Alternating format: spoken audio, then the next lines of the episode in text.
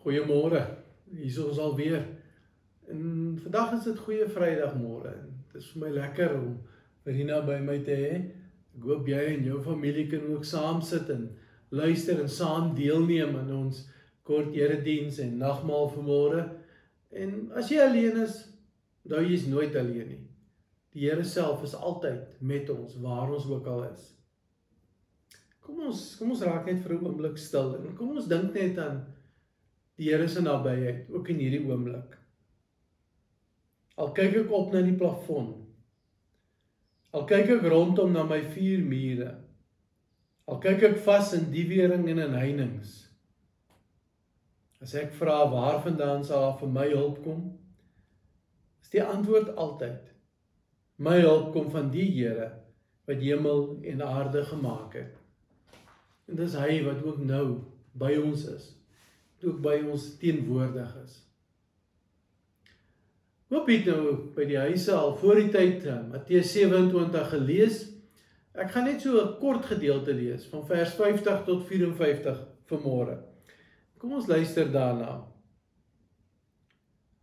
Jesus het weer hard uitgeroep en die laaste asem uitgeblaas. Op daardie oomblik het die voorhangsel van die tempel van bo tot onder middeldeur geskeur. Die aarde het geskud en die rotse het uitmekaar gebars.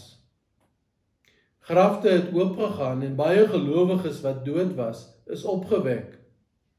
En hulle het hulle het uit hulle grafte na uit hulle grafte uitgegaan. Na Jesus se opstanding het hulle in die heilige stad gekom waar hulle aan baie mense verskyn het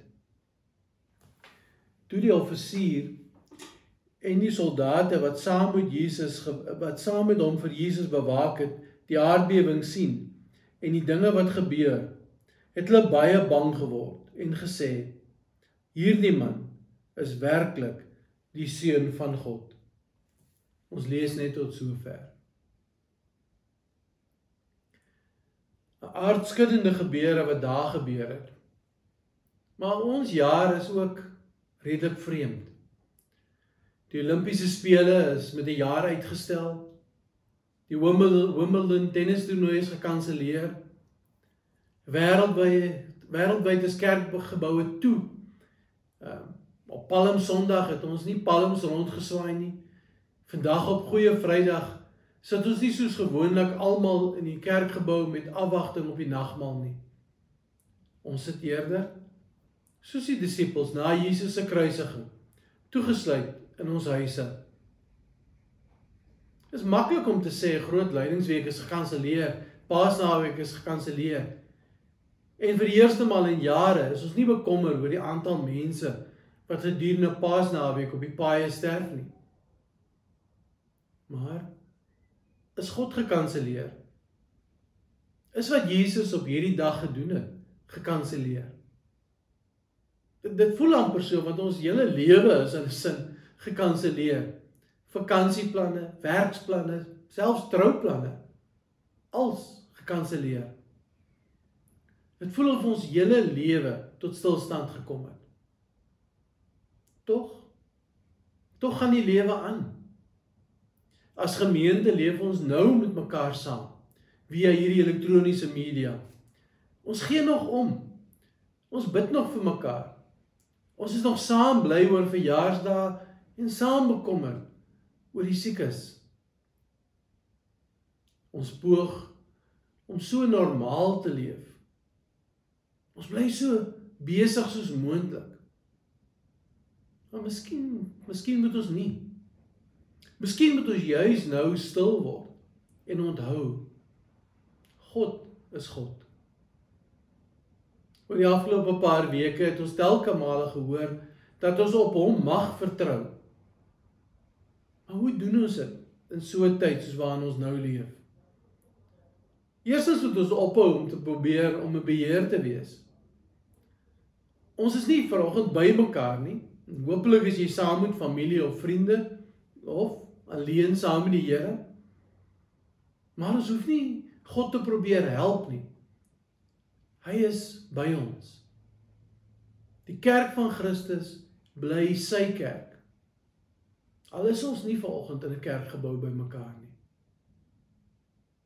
Tweedens, dalk is dit nodig om ons perspektiewe ook so bietjie skuif te skuif. Miskien moet ons ook geskit word soos hierdie offisier en hierdie soldate.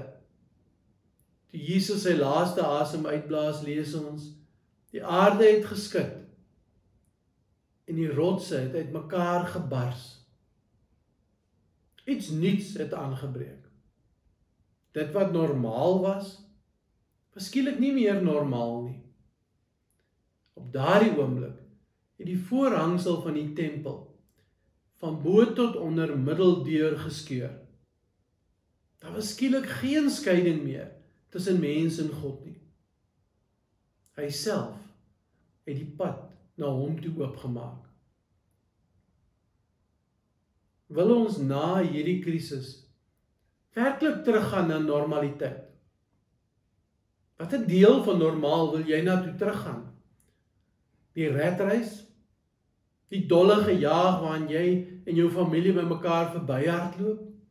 Die gejaag na besittings? Miskien is hierdie 'n ideale geleentheid om ook in ons fondamente geskik te word. Om te onthou hoe die kerk van Jesus Christus begin het met die skik van fondamente. Letterlike skik van fondamente. Ook geskik nie net tydens sy sterwe nie, maar ook tydens die uitstorting van die Heilige Gees. En daardie mense het die wêreld van hulle tyd in sy fondamente geskit. Geskit deur anders as normaal te wees. Deur om te gee vir mekaar. Deur mekaar te versorg. Ten spyte van hulle agtergrond, ten spyte van waarmee hulle te doen gehad het. By Golgotha het die grond onder ons voete geskit.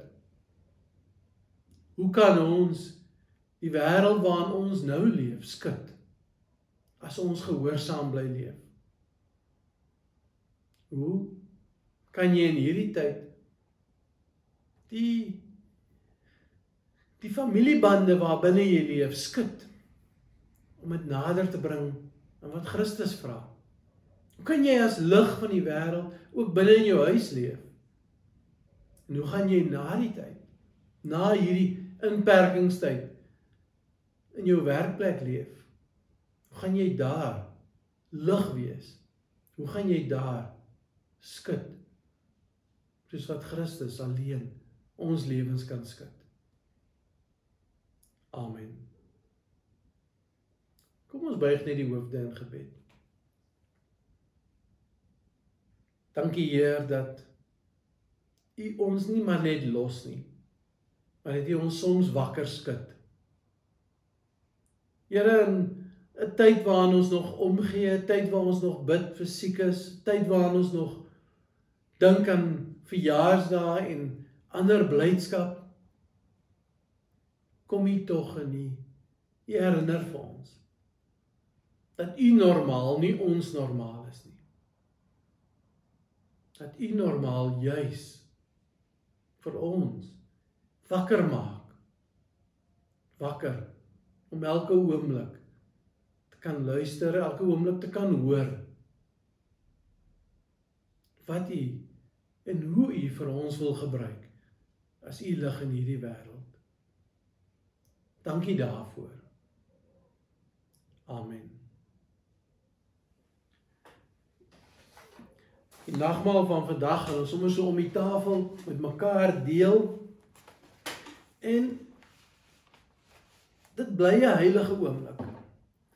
Want God is teenwoordig ook in jou en in my huis. Hy's elke dag met ons. Kom ons herinner ons net waaraan wat vertel die nagmaal vir ons? Waaraan herinner dit vir ons? Eerstens word ons elkeen uitgenooi om dit saam te vier. Dis iets vir gesamentlik. Jesus het gesê, ek is die brood wat lewe gee. Wie na my toe kom sal nooit weer honger kry nie. Wie in my glo sal nooit weer dors kry nie. Nooi julle almal wat kyk en luister hier vanmôre om saam met my en Rina hierdie nagmaal te vier, soos wat die Here ons uitnooi om by hom te wees. En met die nagmaal sê ons vir God dankie dat hy die wêreld geskep het, dat hy ons geskep het, dat hy ons vir mekaar gegee het. Ons sê dankie vir dit wat Jesus vir ons kom doen het. Ons kom sê dankie vir die verlossing wat hy gebring het, wat aan elkeen van ons behoort. Die Bybel herinner ons dat in die nag waarin Jesus dood is, het hy brood geneem En nadat hy vir sy vader daarvoor dankie gesê het, het hy dit geneem en sy en vir sy disippels daarvan gegee terwyl hy gesê het: "Neem, eet. Dis my liggaam. Dit is vir julle. Doen dit tot my gedagtenis." In dieselfde nag het Jesus ook die wyn geneem. En nadat hy God daarvoor dankie gesê het, het hy die wyn geneem en vir sy disippels daarvan gegee terwyl hy gesê het: "Dis die nuwe verbond wat met my bloed beseël is." my bloed wat uitgegiet is vir die vergifnis van sonde. Doen dit tot my gedagtenis. Ons onthou vanmôre dat God ons elkeen ongelooflik baie liefhet. Dat Jesus ons liefhet. Dat hy God se liefde vir ons bewys het deur vir ons te sterf. En as ons nou hierdie nagmaal gebruik, dan doen ons dit juis om vir God dankie te sê vir sy liefde. Maar voordat ons dit gebruik, kom ons bid net weer saam. Genadige Here, ons waag dit om u tafel in vertroue te na by mekaar te kom. Nie op grond van ons goedheid of geregtigheid nie, maar op grond van u groot en genadige liefde. Ons is nie eers waardig om die krummels onder die tafel op te tel nie.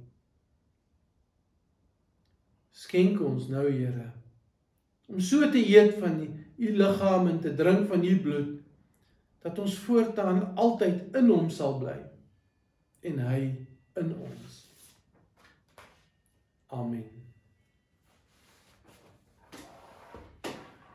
Die brood wat ons breek is die gemeenskap in die liggaam van ons Here Jesus Christus neem eet neem eet glo dat sy liggaam gebreek is tot 'n volkomme verzoening vir vir ons elkeen vir al ons sondes.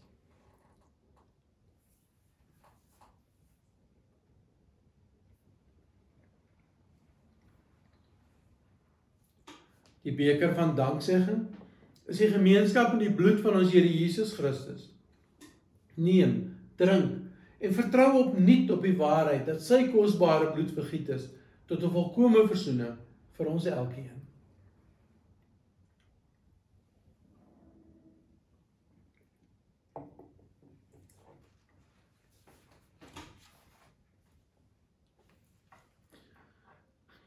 Mag hierdie dag die Here dank vir dit wat hy vir ons gedoen het, maar ook vir hierdie dag wat hy vir ons geskenk het. Mag ons die Here dank is hy wat ons elke dag voed. Ons elke dag lei. Gaan met hierdie woorde. Ons betree nou die erediens van die lewe. Gaan die wêreld tegemoet. Dans, lag, sing. Want ons gaan met die versekering van God se seën. Ons gaan met die versekering van God se genade en ons gaan met die versekering van God se liefde. Amen. Alles seën vir u elkeen.